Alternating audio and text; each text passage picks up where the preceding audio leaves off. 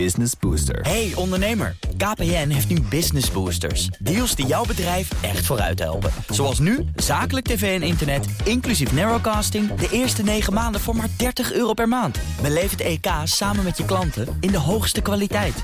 Kijk op kpn.com slash businessbooster. Business Booster. BNR Nieuwsradio. Boekenstein en de Wijk. Hugo Reitsma. Welkom bij Boekenstein en de Wijk. Het is dinsdag, dag 503 van de oorlog in Oekraïne en dag 1 van de lang verwachte NAVO-top in Vilnius, Litouwen, waar wordt gesproken over onder meer uh, lidmaatschap van Zweden, van Oekraïne, maar ook, en daar waren we gisteren nog niet aan toegekomen, de collectieve defensie van het bestaande NAVO-grondgebied. Uh, Rob. Ja, dat, ja, dat klopt. Kijk, uh, er is een prachtig stuk uh, verschenen van het Internationale Instituut voor Strategic Studies, The Future of NATO's European Land Forces, Plans, Challenges and Prospects. Een prachtig uh, stuk, dik, waarschijnlijk niet doorheen te komen als je niet echt heel erg geïnteresseerd bent in het onderwerp. Klopt. maar dit gaat, ja. dit gaat feitelijk, nou ja, dit is natuurlijk heel technisch, maar dit gaat feitelijk over de wijze waarop je de NAVO wil gaan verdedigen. Nou, er is heel veel meloos met die verdediging van de NAVO. En dat heeft natuurlijk niet alleen maar te maken met het feit dat we 30 jaar lang hebben zitten bezuinigen op, uh, uh, op defensie. Pas de afgelopen jaren is er een omslag ingekomen. De Krim 2014 heeft niet de omslag gebracht uh, die men had gehoopt. mondjesmaat zijn de defensiebudgetten toen een klein beetje verhoogd, maar de 2% die is afgesproken toen is niet gehaald. Maar het grote probleem is dat eigenlijk na het einde van de Koude Oorlog men tot de conclusie kwam dat die grote dreiging uit het oosten passé was. Die zou niet meer kunnen gebeuren. En dat betekent dat je dus een, een krijgsmacht op een heel andere lees kunt uh, gaan schroeien. Dus niet meer voor de collectieve de defensie tegen de Sovjet-Unie, dan wel Rusland. maar je moet hem geschikt maken om operaties ver buiten het NAVO-verdragsgebied. Hm uit te voeren. Bijvoorbeeld in Libië, in Afghanistan, in, um, um, in, in Syrië, uh, in Irak, noem maar op, om, om daar de vrede te brengen. Dus het verschuift van de verdediging van het uh, NAVO-grondgebied naar eigenlijk de bescherming van mensen ver buiten het, uh, het NAVO-verdragsgebied. Daar heb je een totaal andere krijgsmacht voor nodig. Daar heb je niet een krijgsmacht voor nodig met heel veel tanks. Die zijn dus ook door Nederland veilig afgeschaft, om maar eens wat te, noemen. Mm -hmm. Niet heel veel zwaar materieel. Daarvoor heb je een krijgsmacht nodig die relatief licht is, die je snel kunt uh, verplaatsen. En ja, waar je dus relatief lichte operatie mee kunt uitvoeren. En daar heb je dus ook niet ongelooflijk hoeveel munitie voor nodig. Nou, dat bleek ook wel tijdens mm -hmm. uh, de Libië-oorlog van 2011. Geen munitie meer. Men ging er vrij snel doorheen. En die rekening wordt nu betaald. Omdat we heel veel munitie nodig hebben voor Oekraïne. Nou, dus die hele krijgsmacht die moet totaal worden geherstructureerd. Nou, dat is iets wat op dit ogenblik uh, besproken wordt. En dan wordt er ook besproken van hoe gaan we dan die verdediging inrichten. dus na 2014, de Krim is al besloten om in de Baltische Staten battlegroups neer te zetten, relatief kleine eenheden. Uh, die, ja, die eigenlijk een soort struikeldraad, een tripwire zijn uh, in, uh, in die landen.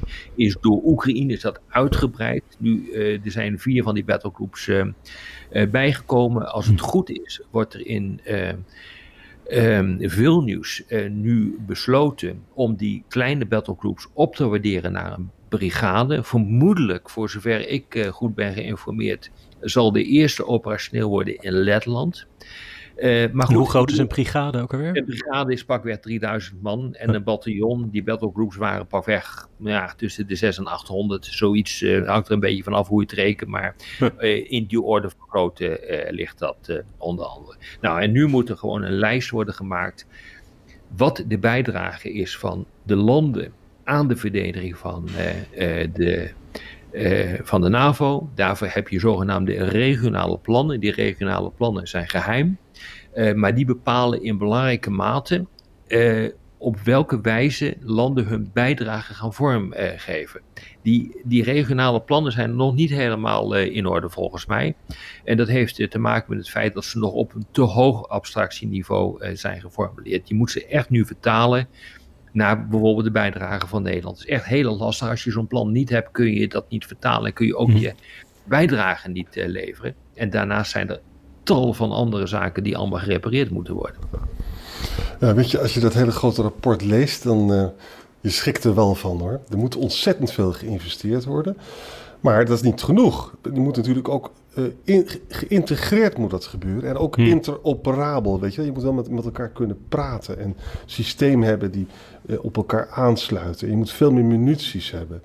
En uh, heel veel dingen zijn nog nationaal geregeld, hè. Van die over capaciteitontwikkelingsplannen wordt nationaal geregeld. En daar kan de spanning ontstaan met nationale planning. En, en de bestaande krijgsmachten, die worden eigenlijk helemaal niet groter. Dat betekent dat je, dat je gaat naar multinationale eenheden. Maar dan komt weer de ellende dat er landen zijn met die beroemde nationale caveats, weet je. Die hadden we in Afghanistan en dan hadden we dat ook. Oh, van wanneer je mag schieten of wanneer je andere dingen wel en niet mag. Ja. Dus het is een heel ontnuchterend rapport. En als je een beetje somber zou zijn, Rob, dan zou je zeggen: Oh, ze gaan het dan toch weer, niet weer verknallen. Dat het niet geïntegreerd gebeurt en ook niet interoperabel. Ja, ik denk dat die kans vrij groot is dat, uh, dat de NAVO daar gewoon niet in slaagt. Ten eerste oh, moet ik nog maar zien of al die, uh, of al die uh, landen in staat zijn om hun defensiebegrotingen te vergroten. Uh, ik uh, sprak laatst uh, met, met iemand, nou kan geen namen noemen, die zei van ja, Denemarken, die overweegt om die, be die begroting pas rond 2033 op orde te brengen. Maar als het, um, als het even kan, dan doen we het niet. en we zullen goed kijken naar Duitsland, hoe die gaan presteren. Maar we hopen dan dat het vrede is, dat we ook niet hoeven te, ver te verhogen. Is mijn angst ook voor Nederland hoor ik ben er echt van overtuigd dat er heel veel politici uh, zullen zeggen, nadat de vrede is uh, losgebarsten in Oekraïne, uh, nou weet je, nou hebben we dan nog maar weer gehad. Dus, ja, dat kan toch nou, niet? ja, ik ook ben ervan overtuigd. Ik ben er echt van overtuigd. Zo cynisch is het in de politiek. En zo onverantwoordelijk is het trouwens ook in de politiek. Het zou mij niet verbazen. Hangt er echt vanaf hoe dat komende kabinet eruit uh, gaat uh, zien. Maar met name linkse partijen hebben er een handje van om zo te redeneren. Ook al zeggen ze nu dat het niet zo is, maar het is wel zo. En niet alleen in Nederland, maar in heel Europa. Ja, Nederland heeft nu 1,7 procent in plaats van 2. Ja. En Pieter Omzicht heeft net gezegd in de Tweede Kamer: Nou, het volgende kabinet heeft een lege schatkist. Ik denk inderdaad dat heel veel mensen een soort redenering hebben van: Nou, Poetin zal nu wel uitgeknokt zijn. Ja, hij kan niks meer doen. Dus een beetje rustig aan. weten we wat het defensiebeleid is van Caroline van der Plas namens de boeren? Nee, ik weet hem niet. Nee. Uh, ik heb wel geen idee. Nee, nee. misschien even opzoeken.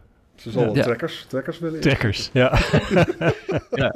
Nee, maar jongens, kijk, die hele, die hele NAVO-defensie moet over de kop. Hè. Daar is een nieuw uh, model voor uh, de strijdkrachten is er uh, ontwikkeld.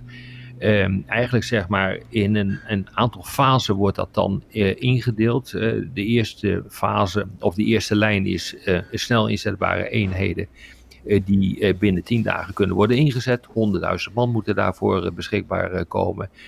De tweede fase, ehm, de tweede lijn is pakweg 200.000 man die binnen 10 tot 30 dagen um, kunnen worden ingezet. En de derde fase, de derde lijn, is tenminste 500.000 uh, soldaten.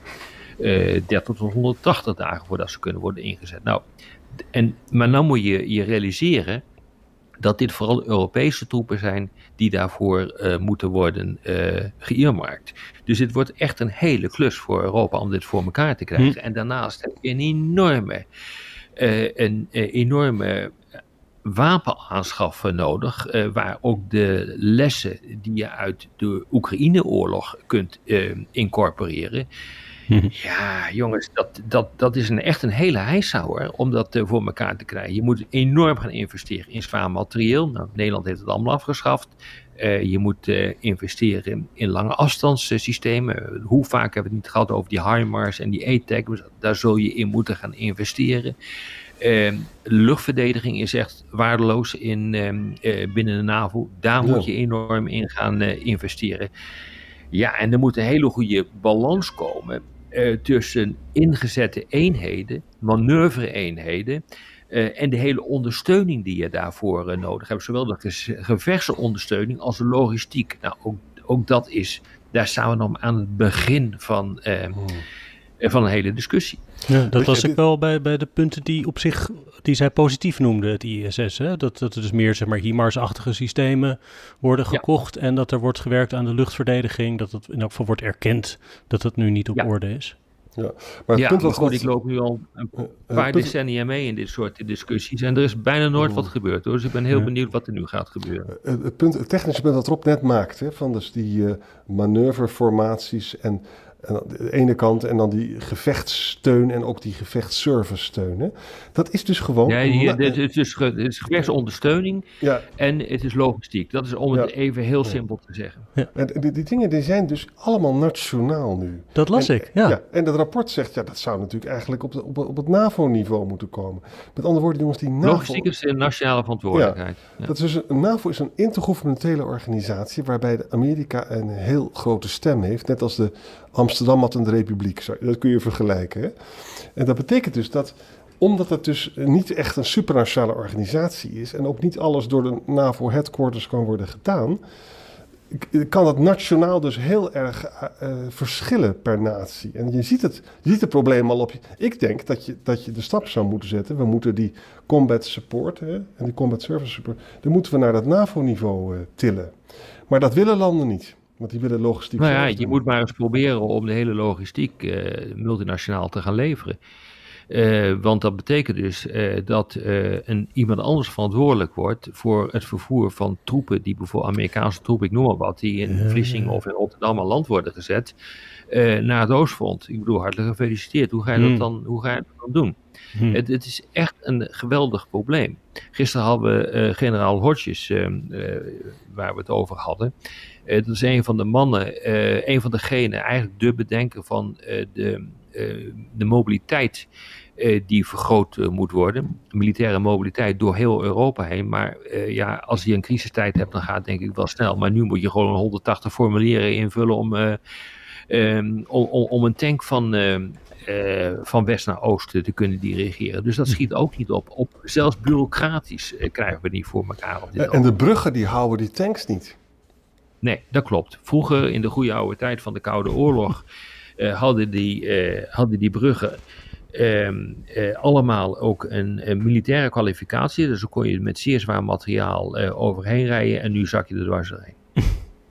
Niet over alle bruggen, maar de, toen was het allemaal gewoon keurig in kaart gebracht. En dat had gewoon te maken met, met de mobilisatie van, van materieel van, van west naar oost. Ja. Het rapport uh, eindigt, of althans de samenvatting die ik heb gelezen, eindigde met de constatering dat heel veel zal afhangen van wat er gebeurt in uh, Duitsland. Ja. Hebben jullie daar eigenlijk een beeld van na die Zeitenwende en de aangekondigde 100 miljard in één keer, hoppakee, bij, bij Defensie erbij, hoe dat gaat? Zitten ze er nog bovenop in Duitsland?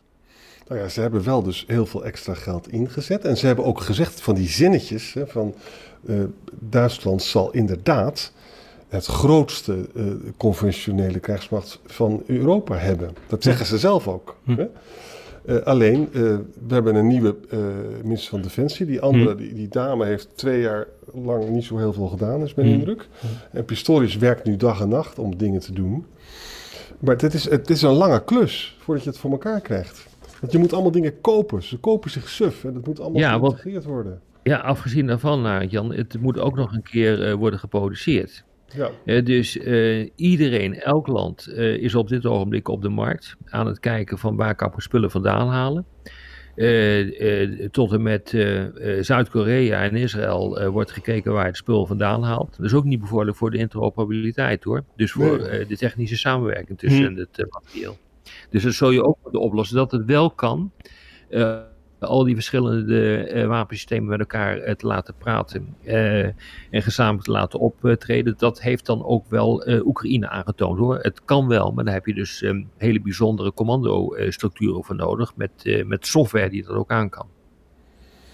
In de geschiedenis van de NAVO was het dus zo dat er decennia lang waren dus Franse soldaten niet in staat om te praten met Duitse soldaten. Ze hadden andere communicatiesystemen. Hè? Hm. Maar dat hoeft ook niet.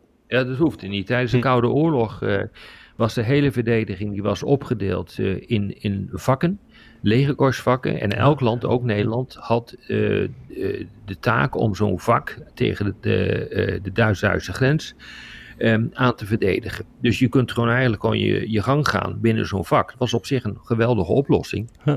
Om dat op die manier te doen. Dus je eigen systemen kon je daarin zetten. Jij was gewoon verantwoordelijk. Het ging natuurlijk mis eh, als je de grens over moet gaan van het ene vak naar het andere vak. Maar oké, eh, eh, dit, dat heeft wel goed gewerkt. Maar nu is dat totaal anders. Nu moet je echt geïntegreerd optreden. Nu moet je eigenlijk naar multinationale eenheden gaan. En als je kijkt welke eenheden er zijn, dan zijn ze ook vaak eh, multinationaal. En al die legerkorpsen die moeten allemaal een nieuwe taak krijgen. En eh, er zijn eh, daaronder hangen weer divisies die ook weer multinationaal zijn. Dus ga, nou ja, dat is een monsterklus hoor. Ja. Hoe ze het voor elkaar gaan krijgen, zeker op afzienbare termijn, termijn want de tijd dringt natuurlijk. Ja. Ja, is, eh, is mij nog een raadsel. En ook de vraag, waar geef je je geld uit? Hè? Je moet dus training meer doen. Je hebt verouderd materiaal moet je vervangen. Je hebt je defensie-infrastructuur. Je moet industriële productie, hebben we zo vaak over gepraat. Dat moet helemaal geregeld worden. Je moet je voorraden aanvullen. Het zijn ontzettende keuzes die gemaakt moeten worden. En het Nou ja, eigenlijk mag je dus helemaal geen keuzes maken, Jan. Je moet het allemaal moet doen. Allemaal tegelijkertijd doen, maar dat kan natuurlijk niet. Dus je zult, en daar heb je natuurlijk helemaal gelijk in, je zult gewoon die keuzes moeten maken. Of toch weer die vakken. Ik vind het toch wel een aantrekkelijk idee. Ja, dat de- Nederland gewoon eh, Estland doet, verdedigt. of Ja, zo. dat zou kunnen, ja. Dat zou je, dat zou je, in theorie zou je, dat, eh, zou je dat kunnen doen. Maar daar is nu niet voor gekozen. Gemiste kans, misschien. Nou, ze zullen het wel beter weten. Oké, eh, we- we gaan het zien. Eh, morgen denk ik al eh, dat we de eerste resultaten van die top kunnen horen. Dan eh, spreken we elkaar nader. Ja, Zeker. zeker. Tot, Tot morgen, morgen. jongens. Business Booster. Hey ondernemer, KPN heeft nu Business Boosters. Deals die jouw bedrijf echt vooruit helpen. Zoals nu, zakelijk tv en internet, inclusief narrowcasting... de eerste 9 maanden voor maar 30 euro per maand. Beleef het EK samen met je klanten in de hoogste kwaliteit. Kijk op kpn.com slash businessbooster. Business Booster.